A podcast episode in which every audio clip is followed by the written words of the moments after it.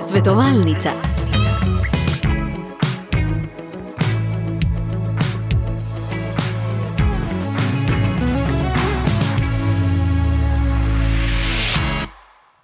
Spoštovani poslušalci, dobro jutro. Današnji praznik povišanja svetega križa bomo v nadaljevanju povezali ja, z vedno aktualnim vprašanjem, kako moliti. V soboto bo namreč na stični mladih ena izmed 29 eh, delavnic namenjena prav tej temi, široka tema je to, vsak od nas ima svoj pogled, svojo izkušnjo. Zato že na samem začetku izziv za vas, kakšen je vaš pogled, kakšna vaša izkušnja z molitvijo. Tule v studiu pa lepo pozdravljam današnjega gosta, jezuit Pater Janez Poljanšek je z nami. Dobr dan. Dobar dan. Za vas že verjetno zgodaj vstajate, ne? Ja, no, malo, malo, malo, malo bolj zgodaj. Ja. Ja, in gotovo ne gre začeti dneva brez molitve. Če poveževa uh, današnji praznik z molitvijo, vsako molitev začnemo s križem, ja, tako je. Začnemo in končamo. Križ je znamenje križa, je kot neke vrste moj, moj posvetitev molitve, pravi namen s tem izrazim, ker vse delam v, v, v Božjem imenu, imenu Svete Trojice, ne v svojem imenu, ne za svojo neko čast, korist, ampak zato, da bi bil Bog bolj poznan, bolj proslavljen. Mhm. Mladim boste v soboto spregovorili o molitvi na delavnici. Verjetno je molitev različna v različnih obdobjih življenja. Zdaj le bo morda tudi e, poklicala kakšna e, stara mama, babica ali pa mama, otroci so zdaj po večini v šolah. Kako se spreminja molitev skozi življenjska obdobja? Ja, vsekakor, kako odraščamo, kako se spreminjajo naši, naši odnosi med seboj, tako se tudi spreminja naš odnos z Bogom, lahko raste. Če smo, če smo pozorni, če, smo, če delamo na tem, lahko tudi zastane ali se lahko tudi oddaljimo eh, od tistih otroških molitev, zaupnih, ki so, ki so lepe, eh, do teh bolj odraščajočih, ko, ko človek se obrača bolj, bolj, bolj osebno s svojimi zahvalami, prošnjami, potem pa do, do tudi kontemplacije, posebej še, če se ljudje posvetijo kakšnih duhovnih vajam ali, ali podobnemu, eh, postane odnos z Bogom vedno bolj tak intimen, bolj, bolj domač. Eh, vsekakor gre za neko rast in eh, to, je, to je lepo. Uhum, naše sodelovanje pri tej rasti pa ima svojo vlogo. Ne? Kako torej začeti moliti, kako moliti prav? Je to sploh pravo vprašanje? Ja, no, uh, predvsem se mi zdi pomembno, da. Ko govorimo o mladih, da, da molitev ne bi bila preveč neka obveza ali pa neka, neka, neko breme, ki ne bo ga treba, ampak da, da bi prišlo do, do, do želje, da bi, se, da bi se želje, notranje želje razvijale v tem smislu. Uh, Krepenenja po Bogu, pri tem pa se mi zdi še bolj pomembno, da, da mi začutimo, da, da Bog krepeni po nas, da, da je Bog prvi, ki želi moliti. Eh, to morda pozabljamo, eh, imamo bolj pred, eh, pred očmi sebe, kako, kako se naprezamo, kako poskušamo biti skoncentrirani v molitvi, pozorni, imamo svoje želje. Pozabljamo pa morda na, na te božje želje. V svetem pismu se vidi, kako Bog vedno prvi je tisti, ki prihaja naproti, ki je prišel k Abrahamu na obisk, ki je prišel k Marti in Mariji. Eh, in, eh, in podobno. Eh, knjiga Razodetja pravi: Glej, stojim pred vrati in trkam, če kdo odpre, bom stopil k njemu in bom večerjal z njim in on z menoj. Se pravi, da Gospod hrepeni po nas. No, to je, to je, to je, se mi zdi glavno pri, pri molitvi, da zaznamo to, to božje hrpenenje, uh mhm. -huh. te božje želje. Če ni tega, potem molitev precej suha. Spravi obrat od tega, da smo mi tisti, ki bi morali biti glavni akter, ne se mogoče se včasih to tudi bolj. Poudarjalo in potem pride celo do neke um, slabe vesti in slabih občutkov, Tako, krivde. Eh. Odpora tudi. Uh mhm. -huh. ja. no, se, če morda bo ta podoba pomeljiva za mlade, eh, pri zaljubljenosti, ko se nekdo zaljubi, nek mladenič, in če ne, ne vidi nekega, ne, ne čuti nekega odmeva ali nekega odgovora na drugi strani, bo, bo to bolj trpljenje, ne bo mogel jesti, ne bo mogel spati. Ko pa zasluti, da tudi z druge strani neka, neka želja, nek odgovor, neko, neko, neko hrepenenje, potem se pa začne eh, odnos, začne nekaj lepega nastaja. No, tako tudi v molitvi, če se samo mi trudimo, če smo samo z naše strani eh, neke, neka, nek napor, eh, bo to ostalo bolj tako sterilno, bolj, bolj nerodovitno. Če pa zaznamo, da je na drugi strani to, to večje, mnogo, mnogo, mnogokrat večje hrepenenje, potem pa bo molitev stekla. Ja, ta podoba zaljubljenosti je verjetno mladim res najbližja, pa vendar le smo različni. Marsikdo uh, bo rekel, pa tudi tega ne začutim. Ne? Jaz mislim, da ne potrebujem molitve. Ja, no, sej, uh, tako različno. Na, nekateri bodo, na nekaterih se ta, ta želja prebudi bolj zgodaj, na nekaterih bolj pozno, na nekaterih morda je vedno zaprta ali kot nekako zasuta. V katerem obdobju se to zgodi? Meni se je to zgodilo, ko sem bil pri, pri, star 16 let, ko sem začutil neko osebno potrebo po molitvi, ko sem šel tudi samo cer, ko sem molil. Uh, tako, no, nekaj, kar je bilo prej naučeno, kar, je, kar smo, kar smo uh, delali v družini skupaj, je postalo nekaj osebnega. No, in, In to je tako veliko odkritje. To, to, je, to, to spremlja tudi neka tolažba, neko veselje, ki, ki je večje od vsakih drugih užitkov, pa veselja.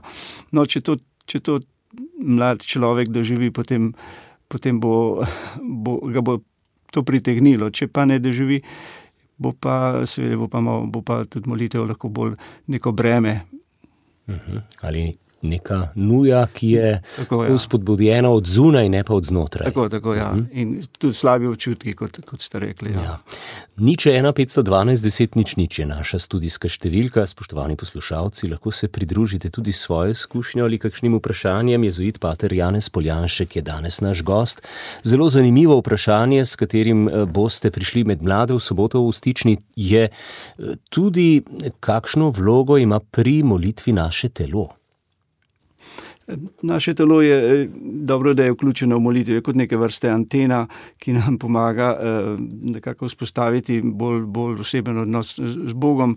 Eh, večkrat, včasih je drža telesa, recimo, kot odgovor na tisto, kar, kar v sebi čutimo, kar zaznamo v molitvi. Včasih pa tudi drža molitve pospešuje oziroma omogoča neko notranje doživetje, nek notranji okus. Eh, stari so se so tako nekako bili zelo crkveni očetje, plastični. Recimo nekdo je rekel, da mi lahko hudega duha tudi malo prevaramo eh, s svojim telesom, z držo telesom. Recimo, da smo zelo suhi, pa nekako nimamo nobenega veselja do molitve, bleske sanosti ni v nas, pa naredi tako s svojim telesom, pokaži, da si zelo goreč. Ne?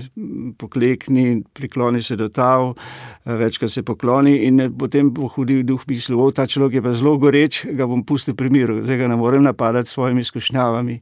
Če pa smo mi vsi mlahavi, pa tako nekako neč se nam naljubi, nas pa že vidi po telesu, da je nekaj narobe z nami, pa nas pa še bolj napade. No, takšne podobe se uporabljajo zato, da nam pokažejo, kako, kako je telo pomembno. In svetopismo nam daje veliko takih drž, eh, telesnih drž, ki že v psalmih, v stari zavezi je veliko tega. Eh, vsaka drža ima svoj pomen, recimo stoja, eh, stoja ali še z dvignjenimi rokami, predstavlja neko, neko spoštovanje, nek zavez, da je nekdo, nekdo navzoč. Ne? Zato so molilci, so, večinoma so molili stoje. Do, ja, do tretjega stoletja so. Po Kristusu so, so kristijani molili večinoma stoje, šele pozneje so, so bolj poklekali. No, poklekali pa rekel, je, je bolj državske sanosti, človek liči ali se priklanja k Bogu, eh, k zemlji. To so delali tudi pred Jezusom, so padli pred, pred njegove noge, pa so ga kaj prosili. To je pa neka drža velike, uh, velike želje, velike prošnje. Tako da ima vsaka drža telesa tudi ima svoj pomen in uh, to nam svetopismo nam govori o tem. Približa tudi. Ja. tudi ja. uh, nekako v napovedi delavnice ste zapisali, da bo nekaj teorije, nekaj pa tudi praktičnih, preprostih vaj. Ja, predvsem bomo, bomo poskušali tudi malo kakšno vajo umirjanja uh, tega nekega predpogoja za molitev, ko se človek umori s svojim telesom, začuti malo svoje telo, svoje dihanje. To so take preproste vaje, ki bomo lahko skupaj naredili. Eh, potem pa tudi morda na koncu en takšno vajo spraševanja vesti eh, ali egzamna, rečemo bolj, bolj moderno, uh mhm. -huh. ko človek pogleda v desetih, petnajstih minutih, minutah, kako je šel dan, kaj se je v dnevu zgodilo, kako je Bog bil navzoč, kako je, kaj je govoril, kako se mi je Bog razodeval, pa kako sem jaz odgovarjal na njegovo delovanje. Um, Examen je tudi molitev. Seveda, examen je molitev. Uh, naj bi bila molitev, ni, ni neko raziskovanje sebe ali pa neko diagnosticiranje, analiziranje, ampak predvsem en del examena je zahvaljevanje, je hvaležnost za darove tistega dneva, dela tistega dneva, uh, potem pa tudi pregled tega, kar se je v nas dogajalo, naših misli, čustev, eh, vzgibov notranjih, potem besed in dejanj. Ko vse to pogledamo, potem vidimo tudi svojo, morda tudi svoj, svoj greh, prosimo odpuščanja in pogledamo naprej. No, to je tak, ta, ta vaja egzamna. Podaril bom tudi eno vajo, ki je eh, morda. Pomembna je zato, da se osvobodimo kakšne svoje zasvojenosti ali, ali kakšne zasuženosti, razvade. Dan danes je, seveda, te mediji so in, in ekrani, telefoni. Ekrani, telefoni. Eh, kako, posta, eh, kako biti bolj svoboden do tega? In to je pa posebni, posebni egzamen vaja, ko sem pozoren čez dan samo na to stvar. Mislim, od jutra do večera. Gojim neko pozornost, kako ravnam s temi, s temi ekrani, koliko časa izgubim. Ne? Tako da, eh, morda, če delam to vajo par tednov, bom, bom, bom lahko bolj svoboden, z božjo pomočjo. No. To je taka molitev, čisto praktična, kako, kako lahko se malo osvobodim, kakšne stvari, ki mi eh, kradejo energijo ali pa čas, ali pa tudi ki me peljejo v greh. Uh mhm. -huh. Ta molitev potem uh, poteka vse dan, vsak trenutek. No, tako tri, tri temeljni trenutki so zjutraj, zjutraj, recimo, prosim, gospod, pomagaj mi, da bi prav ravnal s temi sredstvi obveščanja, ne? da bi imel nek pravi red, urejenost. Potem opoldne pogledam, kako mi je šlo, prosim, odpuščanja. Eh, in zvečer znova eh, pogledam, kako je šlo popoldne, in spet prosim odpuščanja. Eh, in vedno prosim potem za naprej. Tako da so tri takšni momenti, kratki, ko, ko sem pozoren na to. Poleg tega pa svet Ignacij predlaga, da, da sem tudi pozoren še vmes, ne samo popolne in zvečer, ampak tudi vmes, ko padem v neki napaki ali nekem grehu, da že takrat naredim neko gesto s pokornostjo, on pravi, da, da se trgam na prsi, samo tako, da drugi ne vidijo. No, nekaj, nekaj izrazim že takrat s kesanost, ker bom potem, to mi bo pomagalo, že, da bom bolj pozoren tudi na naslednje trenutke, ko bodo neke skušnjave, recimo na tistem področju. No, uh, Tako, prv, eno je, da ne pozabim te vaje, si pomagam tudi s kakšno stvarjo, da se kaj napišem ali kaj označim. Kakšno aplikacijo na telefon. Tudi lahko, ja. Evo, no, to, drugo, pa, drugo pa to, da sem že sproti tudi malo pozoren. No, če to delam, bo, bom lahko se kaj, bo prišlo do kakšne večje svobode, če pa ne, seveda pa ne. Molitev so, to so vaje, to so duhovne vaje in te, te, te egzamni so in takšne zelo praktične praktične vaje. Ja, zelo aktualno vprašanje, gotovo tudi številni mladi se s tem vprašanjem soočajo. Velik magnet in veliko časa gre tako, za tako, ja. ekrane v današnjem času. Ne samo za mlade, ne, ne, ne samo za mlade, tudi za starejše in odrasle, za vse, ja. zelo tako, aktualno. Zdaj veste, spoštovani poslušalci, malce več o tej delavnici, kjer bodo morda tudi vaši otroci eh, v stični to soboto. Današnja svetovalnica, ki jo spremljate, je namenjena molitvi molitvi, kako moliti v današnjem času, ja, času ekranov, zaslonov, telefonov. Z nami je jezuit Pater Janez Poljanšek in uh, o tem bo tekla beseda tudi uh, na sobotni delavnici v stični mladih. Uh, ja, mogoče včasih smo se pri veruku učili, da je molitev pogovor z Bogom. Kaj to pomeni pravzaprav? Pater Janes? Eh, to je precej preprosta definicija, je pa bogata. Pogovor z Bogom pomeni, da, da mi eh, vse, kar se nam dogaja, pripovedujemo Bogu. Eh, preprosto, da vse spremenimo v, v temo za molitve. Ne? Kakršne koli raztresenosti nam pridejo, ali, ali skušnjave, ali, ali želje, da to izrazimo, no? da to pripovedujemo. No? Pripoveduje. Če človek pripoveduje Bogu, ga to spreminja. Če sam sabo govori, je kot kača, ki se prime za rep, pa se začne jesti, pa pride do, do svoje glave. Eh, no, ko pa pripovedujemo, je pa to, včasih so rekli, tudi za uravnavanje našega živčnega sistema. Je to, ko pripovedujemo, kot pri psihologu, človek pripoveduje, pripoveduje, na koncu mora še nekaj plačati. Hm. Tukaj pri molitvi je pa zastojno, pripovedovanje. Zdaj, kako pa Bog nam govori, če je to pogovor z Bogom? Bog nam pa govori po, po Božji besedi, po, po svetem pismu. Pa po teh notranjih vzgibih, ki jih zaznamo, eh, veselju, tolažbi, eh, miru, spokojnosti.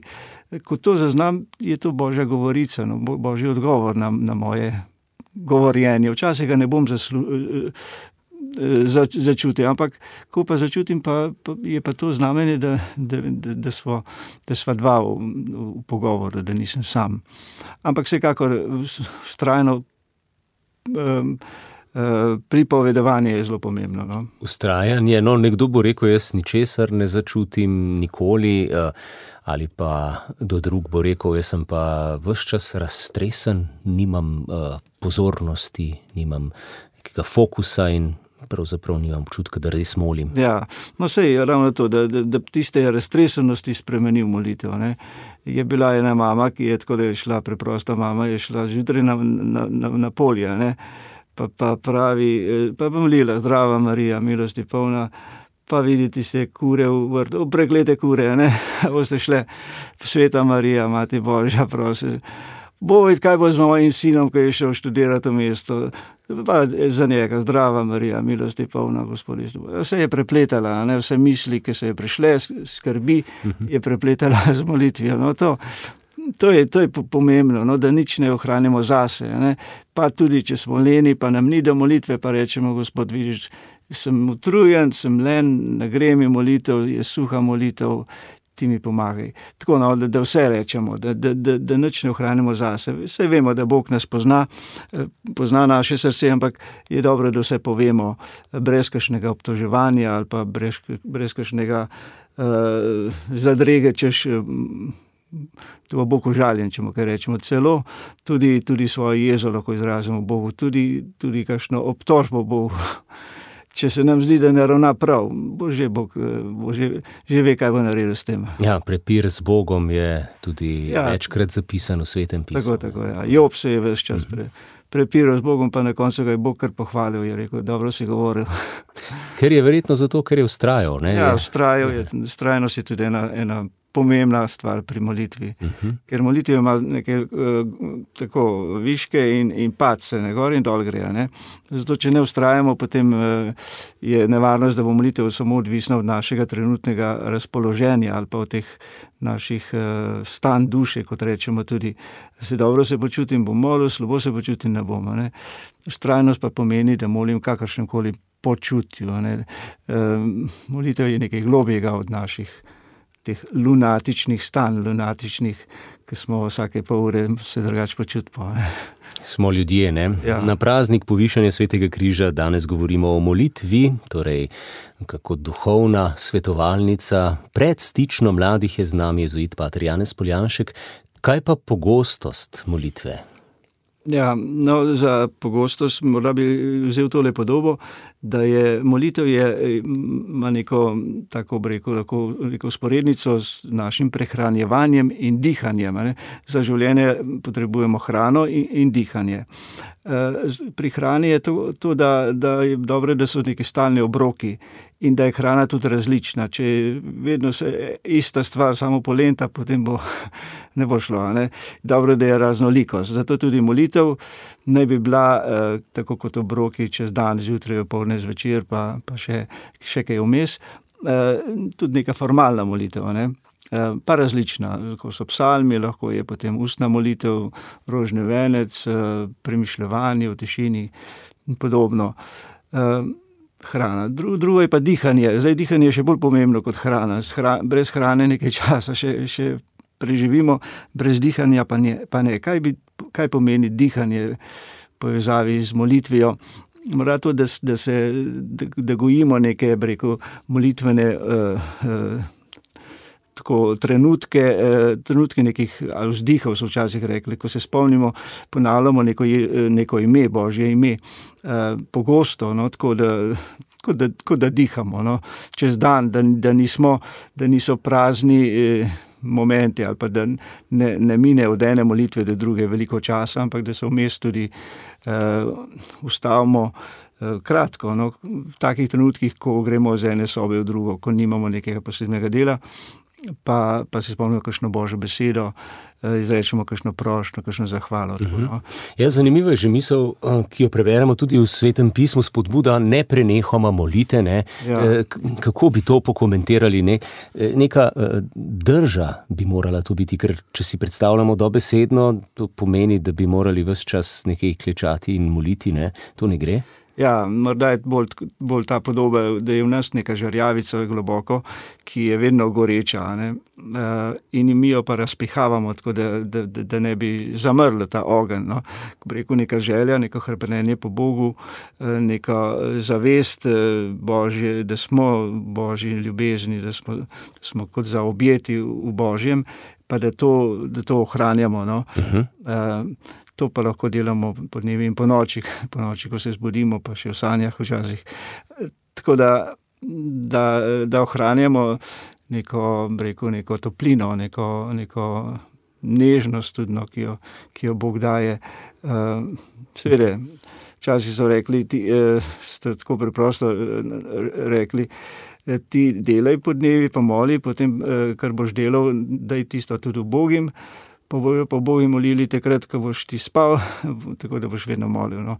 Takšen način, oziroma potem so tudi eh, tiste Jezusov molitev, ne, ko so začeli, eh, smo brali v ruskem romarju, eh, nekdo, ki je molil, ponavljal molitev k Jezusu, Gospod Jezus Kristus, Božji sin, usmili se mene grešnika, tako čas je to ponavljal, da je potem srce že samo molilo ali pa v ritmu dihanja, bitja srca, je, je človek ponavljal to molitev tudi tudi po noči, ko je spal. In to, to postalo potem nekako modelno za te posebej menihi, to vzhodni menihi to gojijo, pa tudi med nami v katoliški cerkvi je to postalo dragocena molitev. Ponavljanje Jezusa imena, klicanje Jezusa imena, ki povzroči to, da, da Bog prebiva v nas, tako kot v tabernaklju, tako tudi po tej molitvi je, je Kristus navzoč v naših srcih. Uh mhm, -huh. To zavedanje, da nismo mi gospodarji uh, vesolja, tako, tako. da je nekdo z nami. Tako, tako. No, ena podoba mi je včasih prišla na misel, kot neka nosečnica, ki ima v sebi otroka, je vse čas pozorna na, na, na otroka, ne? od jutra do večera in še po noči. Vse čas se zaveda te navzočnosti, tako nekako ne bi tudi molitev bila neka nenehna zavest te bližine, no, da je Gospod v nas, Božje kraljestvo je v nas, uh, sveti duh prebiva v nas. Ni tako daleč Bog, nekako gor na oblaki, ampak je nam je bliže kot pa mi sami sebi. In uh, če to gojimo, to zavest, je potem, rekel, skoraj nemogoče, da ne bi bili z Gospodom. No. Ja, verjetno so ta hip misli naših poslušalcev pri različnih opravkih, morda nas kdo posluša tudi v avtomobilu, ne? tudi pri prošnji za srečno pot je molitev. Ja. Zdaj, počasi bomo sklenili to. Verjamem, da marsikdo je že slišal, kar pozna dobro, vsak ima nedvomno svojo izkušnjo, različni smo med seboj, kot smo rekli že v vodoma. No, mogoče glede te različnosti, in prej smo že govorili o molitvi v različnih obdobjih, tudi med otroki, zelo majhnimi, je to eno duhovno izkustvo, ki se lahko zgodi že zelo v zgodnjem otroštvu. Neka, nek dotik. Uh, ki ga ne znajo, takrat eh, si ne zna otrok razložiti, ne, kaj no, sploh je ja. to. No, gotovo, no, Bog lahko obišče eh, človeka, kadarkoli hoče in na katerem koli kraju, v katerikoli okoliščini. In mu spregovori. Predvsem je v zgodnjem otroštvu pomembno, so, so trenutki neke, neke izkušnje, neke, neke svetosti ali skrivnosti. No, skrivnosti. Ko se spomnim, ko, sem, ko smo bili mehni, smo šli kropiti. Če je kdo umrl v vasi, pa smo šli kropiti, se nam je bilo otrokom malo težko. Ne? Ampak si, si moral tjajti enkrat. No, in to, ko sem gledal enega človeka, soseda, kako je bil tam ležal na parah, pa je bilo to za me prva izkušnja skrivnosti, kako življenja in smrti, kam je zdaj šel ta človek. In to se mi tako vtisnilo v spomin, da, da zdaj, danes lahko rečem, da me je Bog nekako obiskal ob tistem čudenju. Torej, torej izkušnje čudenja, uh, skrivnosti, svetosti, nekaj se je zgodilo, nekdo me je obiskal. Neka stvar se je zgodila po božji previdnosti, kot danes rečemo, dogodki, ki so dogaja, ki so se zgodili. No, to so te pomembne izkušnje, ki nam, dragocene, dragoceni spomini, no, ki nam potem, ko smo odrasli, že lahko pomagajo, tudi da naredimo kakšno, kakšno dobro izbiro, odločitev v življenju. Kar je za mlade zelo pomembno, zelo aktualno, ne, ja, tako, odločitve tako. na različnih eh, križpotih življenja. Tako, tako, ja. Eh, no, zdaj le tik pred koncem pa smo še eno vprašanje dobili po elektronski pošti. Gospa Andreja eh, pravi takole: Berem besede v svetem pismu, sin moj pazi na moje besede, premišljuj jih noč in dan. Ali ni eh, tako kralj David dajal na potke sinu Salomonu, kako se potem to razume kot božje besede ljudem? Ja, Ja, tako Bog, Bog nekako po človeških besedah nam govori, vse svetopismo je napisano, eh, ljudje so napisali po nekem navdihu svetega duha in zato lahko tudi nam govori neko izkušnjo, ki jo je imel kralj David ali Salomon, eh, lahko postane tudi naša izkušnja, si postanemo lahko zelo blizu, ko si pripovedujemo ali ko poslušamo te izkušnje. Eh, tako da to nas zelo povezuje, uh mhm. -huh. ne glede na čas in, in kraj. In ni pa nujno, da se najdemo v tej izkušnji. Ni pa nujno, ni pa nujno. ampak lahko pa se najdemo čisto.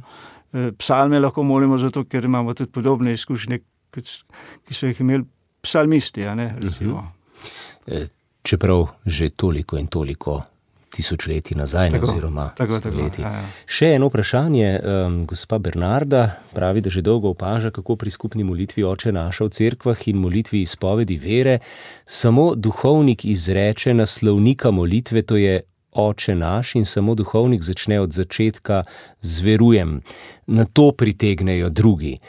Taka molitev je za me neveljavna. Kako bi lahko to popravili? Verjamem, da bi se dalo, ampak eh, z veliko vaje in opomina pravi. Ja, no, če je mogoče začeti skupaj, je, je prav. Ne? Razume se pa, da, da vsakdo je že vstopil v molitev, tudi ko je duhovnik začne. Uh mhm. -huh. Tako da je vse občestvo vključeno. Torej, molitev ni samo izgovarjanje besed. Tako, tako, ja. Ja, ja. Tišina in molitev, o, to bi bila lahko še ena oddaja. Še ena oddaja, ja. ne v tišini. ja, tako, tako. Morda kdaj prihodnič. Prav. Za danes iskrena hvala. Hvala lepa. In uh, vse dobro, blagoslova tudi v soboto z mladimi na delavnici v Stični, kot tudi vsem ostalim, ki bodo sooblikovali te številne delavnice. Naj bo to srečanje letošnje v Stični mladih blagoslovljeno, pa Trijane Spoljanšek, srečno. Hvala lepa. Svetovalnica.